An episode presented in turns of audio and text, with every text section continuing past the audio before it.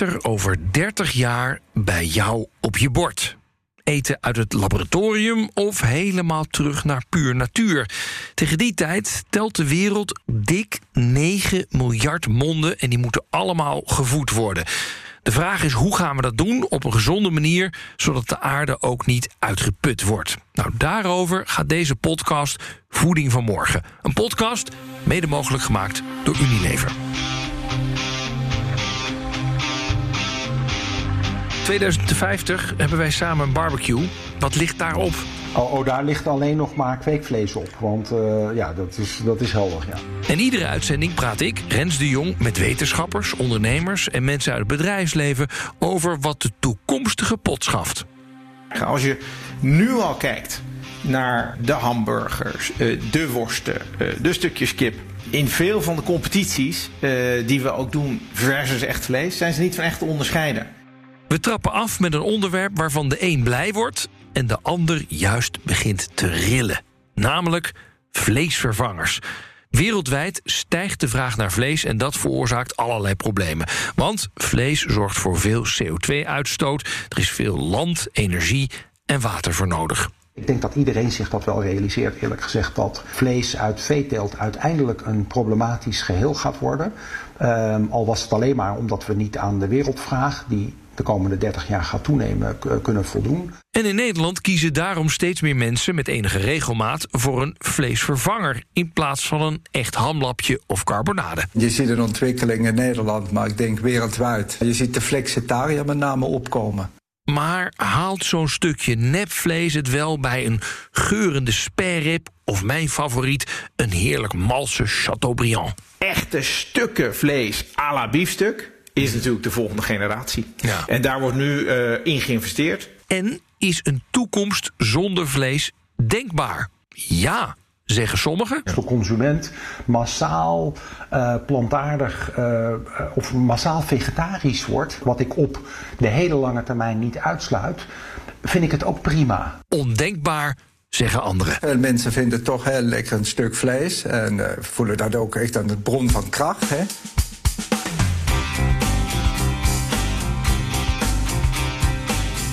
De vraag is dus, hoe ziet de toekomst van vlees en vleesvervangers eruit?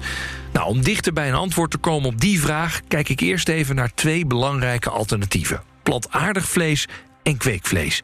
Welke van deze twee is nou het meest kansrijk? Nou, we zetten de kampen even voor je op een rij. In de linkerhoek het kamp plantaardig vlees. Want wij geloven uh, op dit moment dat uh, als je kijkt waar nu de beste structuur, smaak uh, uh, en vergelijking van vlees, waar, ja, wat het beste is, dan is dat het plant, uh, plantaardig, plant-based, wat hmm. er op dit moment is. Voor nu hebben we best wel een urgent probleem. Mensen eten gewoon veel te veel vlees. Dat moet naar beneden.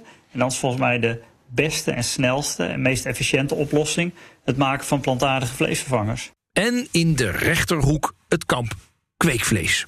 Uh, nou ja, um, ik, ik, vind het niet zozeer een, uh, een strijd als wel een spel. En uiteindelijk gaat het natuurlijk om de consument. Wat gaat de consument uh, het meest plezierig vinden en het lekkerst vinden?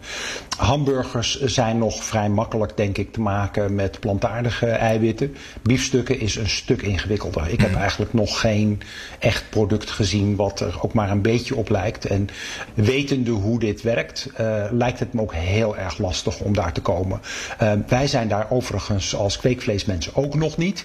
Maar in ieder geval is het wel te, zien dat deze technologie uh, in staat is om dat uiteindelijk te bereiken. Terwijl dat voor plantaardige dingen toch wel heel lastig is. Die laatste stem die je hoorde, dat is Mark Post hoogleraar vasculaire fysiologie aan de Universiteit Maastricht. Eh, maar beter bekend als de eerste maker van een hamburger gemaakt van kweekvlees.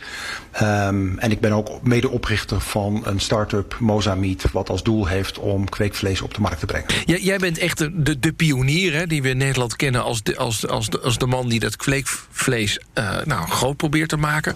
Waarom, waarom ben je erin gestapt? Nou ja, om deze redenen. Kijk, in de eerste plaats hadden we de technologie in feite al in handen. Die bestond ook al een tijdje. En uh, dat is in wezen een medische technologie. Daar was ik al mee bezig voor andere weefsels. Dus het was vrij makkelijk om dat om te zetten naar vlees. Um, en toen ik daar eenmaal over nadacht en mee bezig was, toen realiseerde ik me dat dat uh, potentieel een enorme maatschappelijke impact heeft. Dus ik vond het belangrijk en vind het nog steeds heel erg belangrijk om daar uh, aan te werken en dat mogelijk te maken. Ja, en daar gaat alle tijd en aandacht in zitten, begrijp ik. Daar gaat alle tijd en aandacht in zitten, ja. Wat even, kun je uitleggen hoe het, in het kort, hoe het werkt, kweekvlees maken? Ja, het is eigenlijk een vrij simpele gedachte. Uh, wij hebben allemaal uh, spiercellen in ons lichaam natuurlijk. Dat, dat is de basis voor vlees.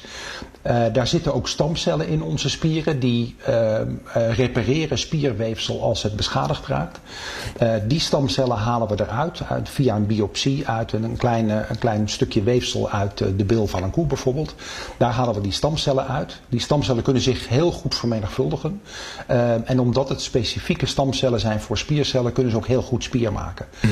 Dus wij laten ze eigenlijk in het laboratorium doen wat ze in het weefsel ook doen. Namelijk eerst zich vermenigvuldigen um, en dan spierweefsel laten maken. Ja, ja. En daar heb je natuurlijk wel wat, ja, uh, daar heb je natuurlijk uh, omstandigheden voor nodig. Uh, 37 graden lichaamstemperatuur en allerlei andere dingen. Ze moeten natuurlijk gevoed worden.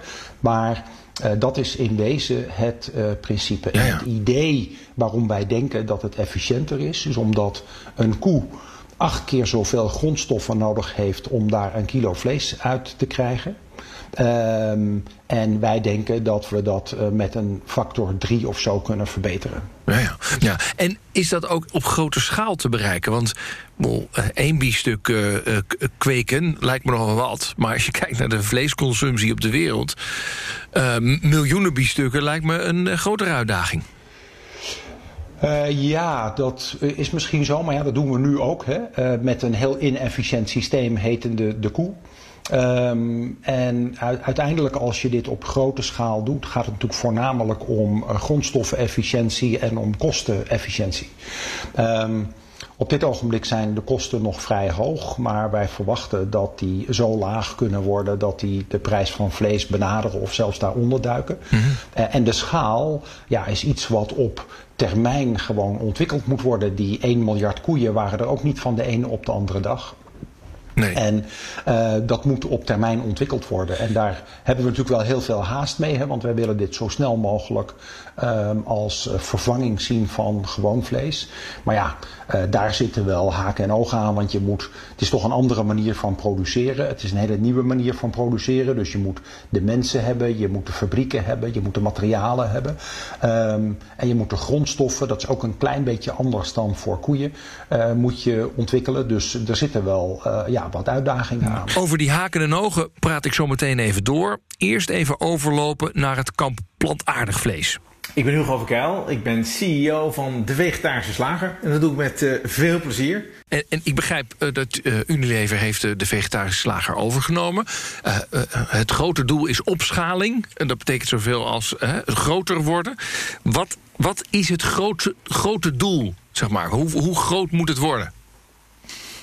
Ja, hoe groot moet het worden? Uh, de, de droom van de oprichter, Jaap, hij zei altijd: Ik wil de grootste slager ter wereld worden. En dat ging niet per se vanwege het feit dat hij zo groot wil worden, maar omdat hij een groot doel had. En dat is uh, de dieren uit de keten uh, halen en toch goed stuk vlees aanbieden op een plantaardige manier. Nou, als je nu kijkt wat de penetratie is van het type vlees, hè, wat wij verkopen, plantaardig. Uh, dat is uh, misschien minder dan 5%. Uh, mm-hmm. Dus in elk land kun je 20 keer zo groot worden. Als je als ambitie hebt om elke vleeseter om te krijgen. En dat, Hoe dat is het doel ook? is? Dat is het doel ook, elke vleeseter omkrijgen? Ik denk dat dat een heel ambitieus doel is om dat daadwerkelijk voor elkaar te krijgen. maar waar wij ons op focussen zijn vleesliefhebbers. En dat is belangrijk. Het is niet uh, dat wij een portfolio maken die uh, specifiek bedoeld is voor mensen die, uh, die alleen maar vegan eten bijvoorbeeld. Maar de grote omwenteling, het tipping point komt op het moment dat de verstokte vleesliefhebber zegt... Dit is lekker, Ja. ik ga om. Ja, dus dat is het. Het grote doel is die vleesliefhebber omkrijgen en zeggen... hé, hey, ik, ik kan ook plantaardig vlees eten. Absoluut. Slechts 4 tot 6 procent van de Nederlanders eet vrijwel nooit vlees. Dat zijn zo'n 850.000 mensen. Maar de rest dus wel. Hoe overtuig je die vleeseter? Ik denk het begint uh, ten eerste met uh, smaak, smaak, smaak. Het gaat allemaal om smaak. Je moet een product hebben wat fantastisch is. Als je dat hebt, dan kun je uh, de markt op gaan. Nou, dat punt hebben we bereikt. We hebben fantastische producten. Alleen mensen moeten het gaan proberen. En wat je ziet is dat mensen nog in veel mensen nog in hun achterhoofd hebben, ah, dat kan nooit zo goed zijn mhm. als uh, vlees. Ik ben een vleesliefhebber. Tot ze het een keer geprobeerd hebben. Dus wat heel erg belangrijk is, is een eerste keer proberen. Um, en mensen daarin betrekken. Nou, en hoe je dat doet, is zorgen dat je op veel plekken te krijgen bent. Mhm. Maar ook dat je samenwerkingsverbanden sluit met uh, type producten die mensen vaak nuttigen. Ja, ja zoals, zoals de, de, de, hamburgers bij de, bij, de, bij de Burger King en bij de Smullers, geloof ik, komt ook van de Absoluut. Uh, vegetarische Absoluut. slager. En dan probeer je het een keertje. Ik denk, oh, het valt niet tegen, zeg maar. Ja, het is zelfs lekker. en ik denk dat. Ja, nee, maar dat is het. Nee, nou, kijk, ja, uh, ik ja. moet jou ook nog overtuigen. Ik denk dat nou, nee, ik, ik, ja, nou, ik, ik moet eerlijk zeggen, we zitten nu, geloof ik, uh, met vleesvervangers in de supermarkten op zo'n 4,5 procent, hè? Geloof ik, van de totale vleesconsumptie. Zoiets, ja. ja. Zitten we dan op een tipping point? En waarom is dat zo? Ik denk dat we inderdaad uh, op dit moment op een tipping point zitten. Um, zoals ik zojuist ook aangaf, een paar jaar geleden, hoeveel, hoeveel mensen kende je in je nabije omgeving, of misschien zelf, uh, die een vleesvervanger had? Ja. Op één hand te tellen. Ja. Uh, nu begint iedereen vleesvervangers te nemen. En wat het belangrijke daarbij uh, is, is dat dat niet alleen maar vegans zijn. Maar dat het mensen zijn die normaal vlees eten. En die nu zeggen, joh, één keer per week neem ik een vleesvervanger. Dat is eigenlijk prima. En hoe vaker mensen het eten, hoe meer ze denken, ja, maar wacht even, dit was zo prima.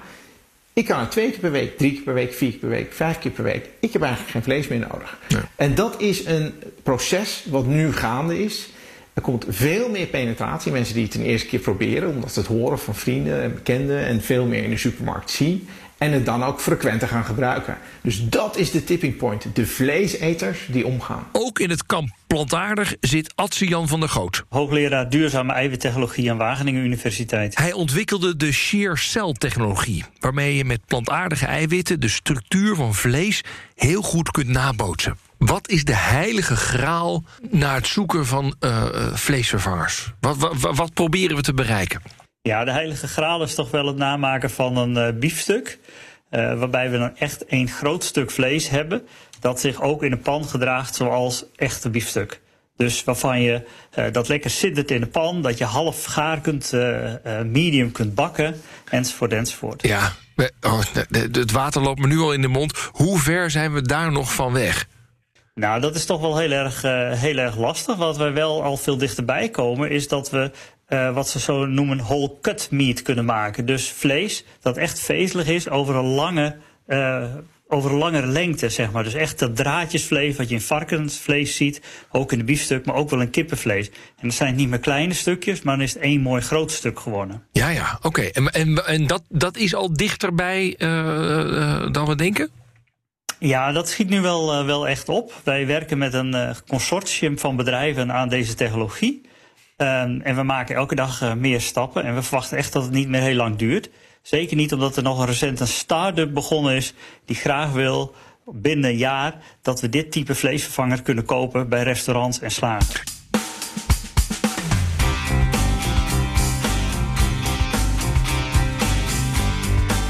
Kweekvlees ligt nu nog niet in de supermarkt, maar als het aan Marktpost ligt, is het over een jaar of drie wel zover. En ook op het gebied van plantaardig vlees zit de vaart er behoorlijk in. Toch is de markt voor vleesvervangers nog klein. In 2016 was 3% van de vleesmarkt een vervanger. In 2019 was dat 4,5%. Gaat dat doorgroeien en wordt dat stormachtig? Wat denkt de vleesindustrie daar zelf over? Dat vroeg ik aan Jos Goebels. Ik ben voorzitter van de COV, de Centrale Organisatie voor de Vleessector. hier in Nederland. En dat doe ik nu sinds 2009. Welke hobbels ziet u nog voor vleesvervangers? Nou ja, kijk, uh, veel van de producten worden toch uh, gemaakt met heel veel toevoegingen.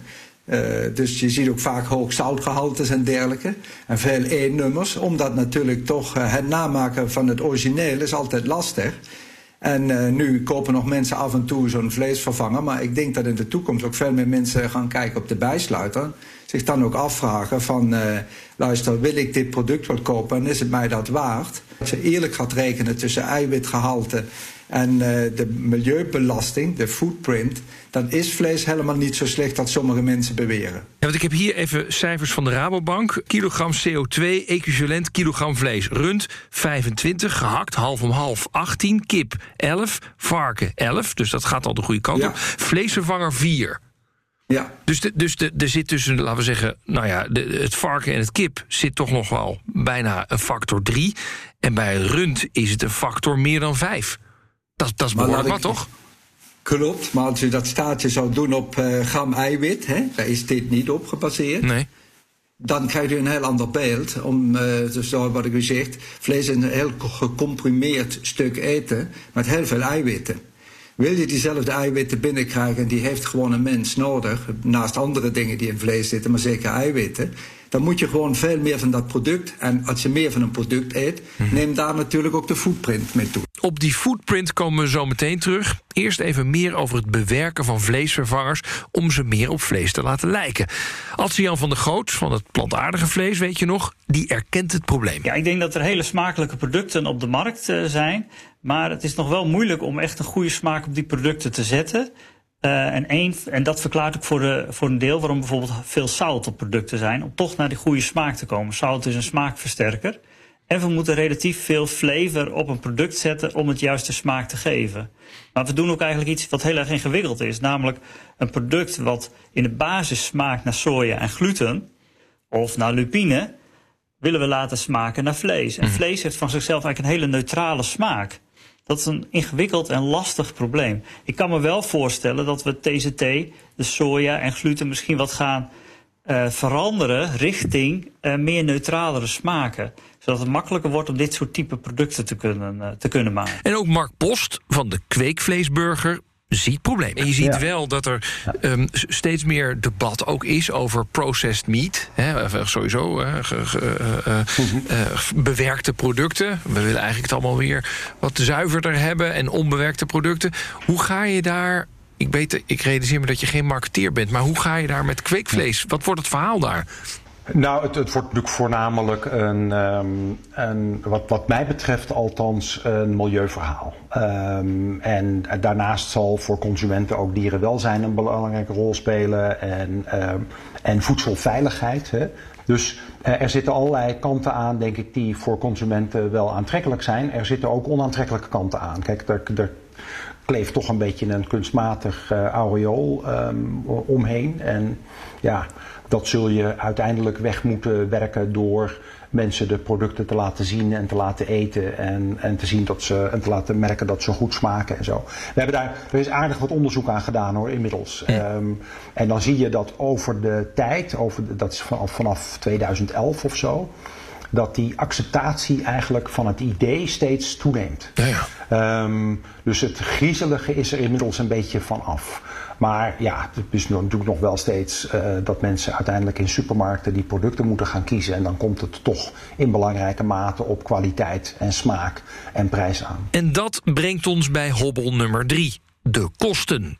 Want die geen cent te veel mentaliteit, dat zit er, zeker als het gaat om voedsel, bij de Nederlanders diep in. Ja, kijk, en het zal ook een, een, een, eh, een discussie zijn over wat gaat alles kosten in de toekomst. Hè?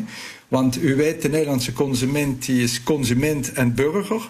En als hij in het winkelschap staat, dan is hij vooral toch uh, iemand die kijkt naar de prijzen. Dat zegt een kritische Jos Goebels van de vleessector. Want hoe zat het ook alweer met de kosten van de kweekvleesburger? Ik kan me herinneren, want jij bent echt de godfather van het kweekvlees. In 2013 kwam die burger, werd, uh, werd gepresenteerd. Volgens mij heeft er iemand toen ooit 300.000 dollar voor betaald, toch? Of zoiets. Uh, ja, dat klopt. Ja, 330.000 dollar. Ja, ja. Uh, dus dat, ja, dat klopt. Nou ja, dat was een van de oprichters van Google, toch? Hebben dat uiteindelijk gekocht, of ja, niet? Precies. Ja, precies hebben die het ook gegeten? Hebben die het... nee, nee, oh. nee, nee, die heeft het niet gegeten. Nee, zijn medewerkers wel, maar hij zelf niet. Nee. nee. En, en, um, want daarvoor moest hij dan overkomen naar Londen en daar had hij geen zin in. Nee, oké, dat dan weer niet. hoeveel zou ik daar nu voor betalen, voor zo'n kweekvleesburger? Uh, dat is een beetje moeilijk te zeggen. Um, uh, wij, wij denken dit over zo'n twee, drie jaar op de markt te brengen. Uh, en dan zal het ergens tegen een prijs van 10 euro of 15 euro voor een hamburger zijn. Oh ja, oké. Okay. Um, dat is nog steeds fors. Ja, dat is nog steeds fors. Um, dat is ook een beetje een schatting. Het kan ook best zijn dat het tegen die tijd al lager is. Maar kijk, uiteindelijk wordt het natuurlijk pas echt lager als je de, de schaal gaat verhogen. Als je de schaal van productie gaat verhogen. En als je ook de grondstoffen die nu nog uit, in feite uit de farmaceutische industrie komen, dan uit de voeding en de voedselindustrie haalt. En inderdaad, dat is nogal een bedrag. En ook plantaardig vlees voel je aardig in je portemonnee. Ja, en dat, uh, daar heb je een punt. Op dit moment zijn, uh, het scheelt per productcategorie, uh, maar is een aantal categorieën waar duidelijk een premium ten opzichte van echt vlees zit. Nou, ik denk dat daar twee factoren een rol spelen. Aan de ene kant, hoe meer van dit soort producten wij maken, hè, hoe meer schaal erin komt in de industrie, en hoe beter je aan je onderliggende kostprijs kan werken. Het toverwoord is opschalen, want dat drukt de kosten. Maar ja, dat klinkt goed, maar bij kweekvlees is dat nog niet zo makkelijk. Wat is op dit moment de grootste technische uitdaging voor jullie? Dat is vooral um, uh, opschalen in een periode dat de ingrediënten nog steeds vrij duur zijn die ingrediënten, zoals ik zei, die komen allemaal uit de farmaceutische industrie. En wat zijn dat dan voor ingrediënten? Um, nou, dat zijn bijvoorbeeld de, de bouwstenen voor vlees. Dat is, zijn aminozuren bijvoorbeeld. Um, maar ook uh, vitamines en mineralen. En ook een aantal uh, eiwitjes die je eraan toe moet voegen... die nodig zijn om de cellen te laten groeien. Ja, ja. En die zijn, die zijn nog heel duur. Die zijn echt ab absurd duur. En waar ligt dat aan? Ehm, dat ligt er voornamelijk aan dat ze in de farmaceutische wereld gebruikt worden op hele kleine schaal. Want het zijn hele krachtige stofjes en ze worden op hele kleine schaal gebruikt. Dus uh, ze worden ook op hele kleine schaal geproduceerd en daarom zijn ze duur. Maar ook omdat het uh, farmaceutische stofjes zijn, worden ze heel erg strikt gezuiverd. Um, en wij denken dat dat allemaal niet nodig is voor uh, deze voedingproductie, voedselproductie, omdat dat eigenlijk alle eiwitten die wij toevoegen aan uh, voeding, die zijn allemaal uh, van. Uh, ja, niet van mindere kwaliteit, maar in ieder geval minder zuiver. En dat voor voeding maakt dat wat minder uit dan wanneer je het injecteert in een patiënt. Mm -hmm. um, en dan denken wij dat die stofjes eigenlijk heel goedkoop te produceren zijn. Maar op dit ogenblik is dat gewoon nog niet zo. En die, en die producenten van dat soort stofjes in de niet-medische wereld, die zijn er al of, of zijn die er ook nog helemaal niet? Die zijn nu aan het ontstaan. We hebben nu een zes, zeven van dit soort bedrijfjes wereldwijd die zich hierop storten. Uh, en die ook al hun eerste producten afgeleverd hebben. Dus dat is geleidelijk aan wel aan het ontstaan. En dan heeft Mark nog een probleem. Een van de dingen die ons ervan weerhoudt om dit morgen of overmorgen op de markt te brengen, is uh, de goedkeuring door uh, voedsel- en warenautoriteiten bijvoorbeeld. Oh, dat is, nog niet, dat is nog niet zomaar geregeld? Nee, dat is niet zomaar geregeld. Dit zijn, in alle landen wordt dit gezien en in Europa vrij uh, specifiek gezien als een, een, nieuw soort voedsel waarvan je de veiligheid moet aantonen. En dat is niet makkelijk, of wel? Nou, wij, wij zien daar niet zo heel erg tegenop, maar het is een, natuurlijk een, een redelijk uh, ambtelijk proces, dus daar gaat wel tijd overheen. Ja, ja. En dan de laatste hobbel, want zijn die vleesvervangers, zoals kweekvlees en plantaardig vlees, wel zo duurzaam? Levert het daadwerkelijk een besparing in bijvoorbeeld CO2 op? Volgens Jos Goebels van de vleessector is een stukje vlees uit Nederland net zo duurzaam. Wij doen in Nederland al heel veel aan duurzaamheid bij de productie van ons vlees. Maar kunnen wij nog duurzamer met het vlees omgaan? Want ik denk, er wordt vaak gezegd, uh, laat ik zeggen, vlees in verhouding met CO2 en zo. Mm -hmm. Maar als je namelijk de voedingswaarde van vlees afzet ten opzichte van een heleboel andere zogenaamde vervangers, dan zie je dat vlees, bijvoorbeeld varkens- en kippenvlees, heeft dan een footprint zoals uh, soja heeft. Niet meer en niet minder. Dus het gaat ook om de voedingswaarde, niet alleen maar om te zeggen: ik vergelijk appels en peren. Maar desalniettemin hebben we ons stoel gesteld om nog, laat ik zeggen, duurzamer om te gaan met zowel de de grondstoffen als met het dier als met het vlees. Nou, dat leg ik even voor aan Mark Post. Hoe duurzaam en energiezuinig is kweekvlees eigenlijk? Nou, dat, daar, daar zijn wat tegenstrijdige berichten over. Uh, sommigen die zeggen van, ah ja, dit levert een 60% reductie van energiegebruik op. Anderen zeggen nee, het is eigenlijk ongeveer hetzelfde. Daar zijn hele tegenstrijdige berichten over. Ik, ik denk dat het heel erg meevalt, eerlijk gezegd. Ik denk dat uh, het zal geen uh, 60 of 90 procent reductie zijn. Maar ik denk dat het of hetzelfde is of wat lager is. Mm -hmm. Wat in ieder geval belangrijk is. Maar als dat, als dat zo is, hè? als het ja? een beetje lager is of hetzelfde. Dan is de Mhm. vraag, waarom ga ik dan niet naar het origineel? Uh, nou, dat heeft met twee dingen te maken. Eén is um, uh, dat er natuurlijk nog meer verbeteringen zijn. Hè? Er minder watergebruik, minder landgebruik, allemaal van dat soort dingen. Minder dierengebruik. En landgebruik is niet onaanzienlijk, omdat op dit ogenblik natuurlijk voor veevoer toch nog aardig wat uh, bos, zeg maar, ontbost wordt. Er komt nog bij dat, kijk, het energieverbruik bij methaan, of ik moet zeggen eigenlijk de broeikasgasuitstoot bij koeien, is um, vooral methaan. Um, en als wij energie gebruiken, dan komt daar verder geen methaan bij vrij. Daar komt daar wel CO2 bij vrij, maar geen methaan. Uh, daarnaast, en dat is in eigenlijk geen van deze analyses opgenomen, is dat we natuurlijk gewoon met z'n allen naar een energietransitie toe gaan. Waarbij energie in feite niet meer een belangrijke milieucomponent heeft. Volgens Adse Jan van der Groot hoogleraar duurzame eiwittechnologie in Wageningen, zou het nog beter zijn als we gewoon meer peulen en bonen gaan eten. De essentie van duurzaamheid is dat wat op het land groeit, zo vo vo uh, volledig mogelijk in ons dieet terechtkomt. En hoe meer we dat moeten bewerken, hoe uh, meer uh, we inleveren op de duurzaamheidspotentie. Mm -hmm. En er zijn zelfs studies die aantonen dat met kweekvlees wellicht meer grondstoffen en energie nodig is dan het maken van het vleesproduct. Dus uh, ik denk dat het heel belangrijk is dat we eerlijk zijn en eerlijk communiceren over de mogelijke duurzaamheidswinst van oplossingen.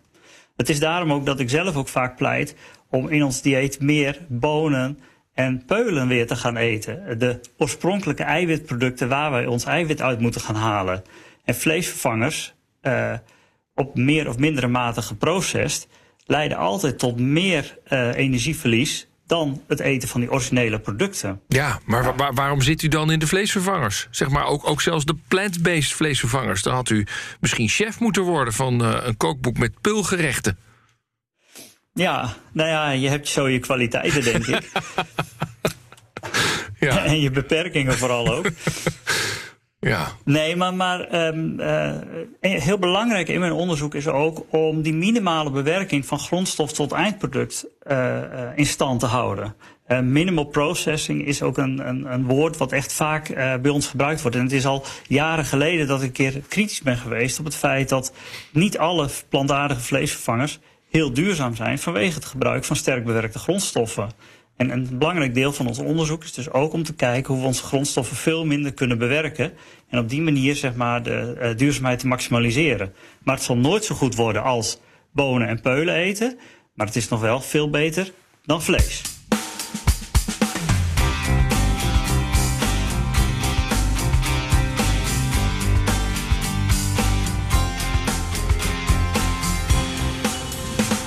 Volop uitdagingen dus voor de vleesvervangers.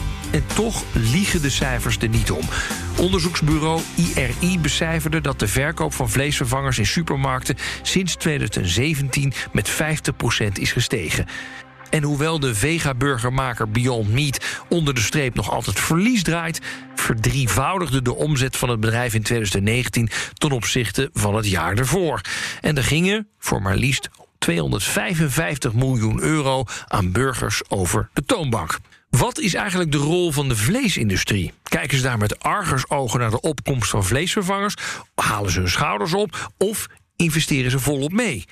Nou, ik geef eerst het woord aan Hugo Verkuil. Hij is de directeur van de Vegetarische Slager. En daarna aan Mark Post. Nou, ik denk dat het uh, uh, behoorlijk omarmd wordt uh, door de vleesindustrie. Oh ja? je, je, ziet, je ziet, nou ja, je ziet verschillende spelers. die grote, grote stappen maken. Hè, een voorbeeld daarvan zijn alle grote ketens, hamburgerketens en andere, die nu zeggen: hé, hey, wij, gaan, wij stappen over. Ehm, dus die zien dit ook als een alternatief. Hoe wordt er vanuit de vleesindustrie naar jullie gekeken, naar kweekvlees? Um, ja, verdeeld denk ik. Um, er, er, zijn een aantal vooruitstrevende vleesfabrikanten en vleesverwerkers die hierin investeren. Mm -hmm. de, ook in jullie? Cargills, uh, ja, ook in ons. Okay. Ja, wij, uh, een van onze investeerders is uh, Bel, dat is een Zwitserse vleesverwerker. En uh, er zijn dus een aantal zeer vooruitstrevende vleesverwerkers en vleesproducenten die zich realiseren. Ik denk dat iedereen zich dat wel realiseert, eerlijk gezegd, dat uh, uh, vlees uit veeteelt uiteindelijk een problematisch geheel gaat worden. Um, al was het alleen maar omdat we niet aan de wereldvraag, die de komende 30 jaar gaat toenemen, kunnen voldoen.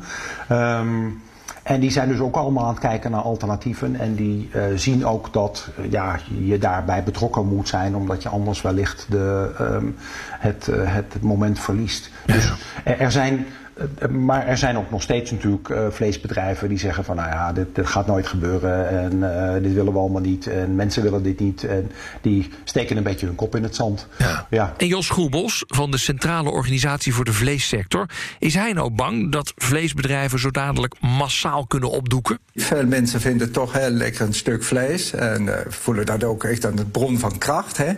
Lekker een biefstuk eten op zijn tijd. En uh, wij zien voorlopig niet dat dat helemaal gaat doorschuiven naar vegetarisch zijn.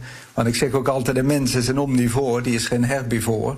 Die is niet gemaakt voor alleen planten eten. Ziet u vleesbedrijven die omgaan, die denken: ja, maar wacht even, uh, ik zou niet Kodak willen zijn die het laatste fotorolletje maakt?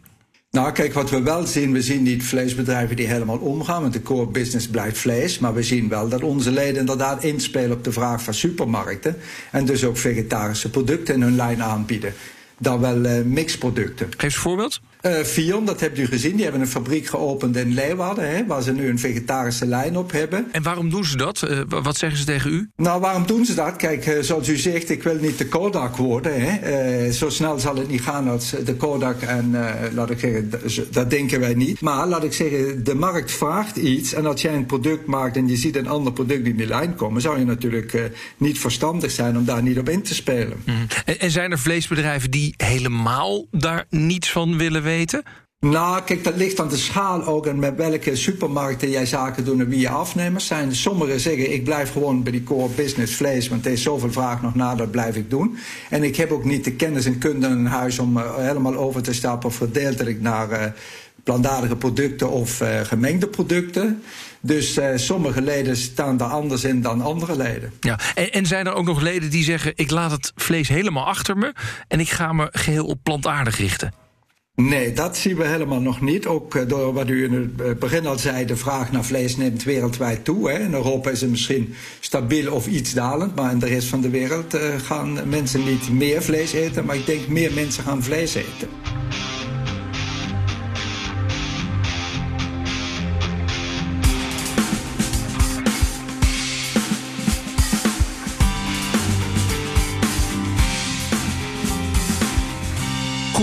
Vleesvervangers zijn dus steeds meer te vinden op de Nederlandse borden. Maar er zijn ook nog heel wat hobbels op de weg. Kosten, opschaling, maar ook kwaliteit en acceptatie. Nee, vlees heeft zijn langste tijd nog niet gehad. Maar de markt voor vleesvervangers is dus groeiende en daardoor kan er meer geld vrijkomen om weer te investeren in nieuwe ontwikkelingen. Dus wat leggen we nou over 30 jaar op die barbecue? Nou, dikke kans dat je veel meer vegetarische kip of kweekburgers erop legt. Maar of je dat sappige stuk biefstuk al helemaal hebt vervangen door iets kunstmatigs, dat is nog een hele klus. Overigens, mijn tip: waarom zou je je tijdens een barbecue concentreren op alleen maar vlees? Kun je nu al doen. Gooi er eens een lekkere spitskool of knolselderij in een lekker jasje op. Je weet niet wat je meemaakt. Maar goed, Wellicht doen we barbecue-recepten in een andere uitzending. Je luisterde naar de eerste aflevering van De Voeding van Morgen, een podcast over ons voedsel van de toekomst. Smaakt het nou naar meer? Ga dan naar bnr.nl, de BNR-app of je favoriete podcast-app voor meer afleveringen. Tot de volgende keer. Dag.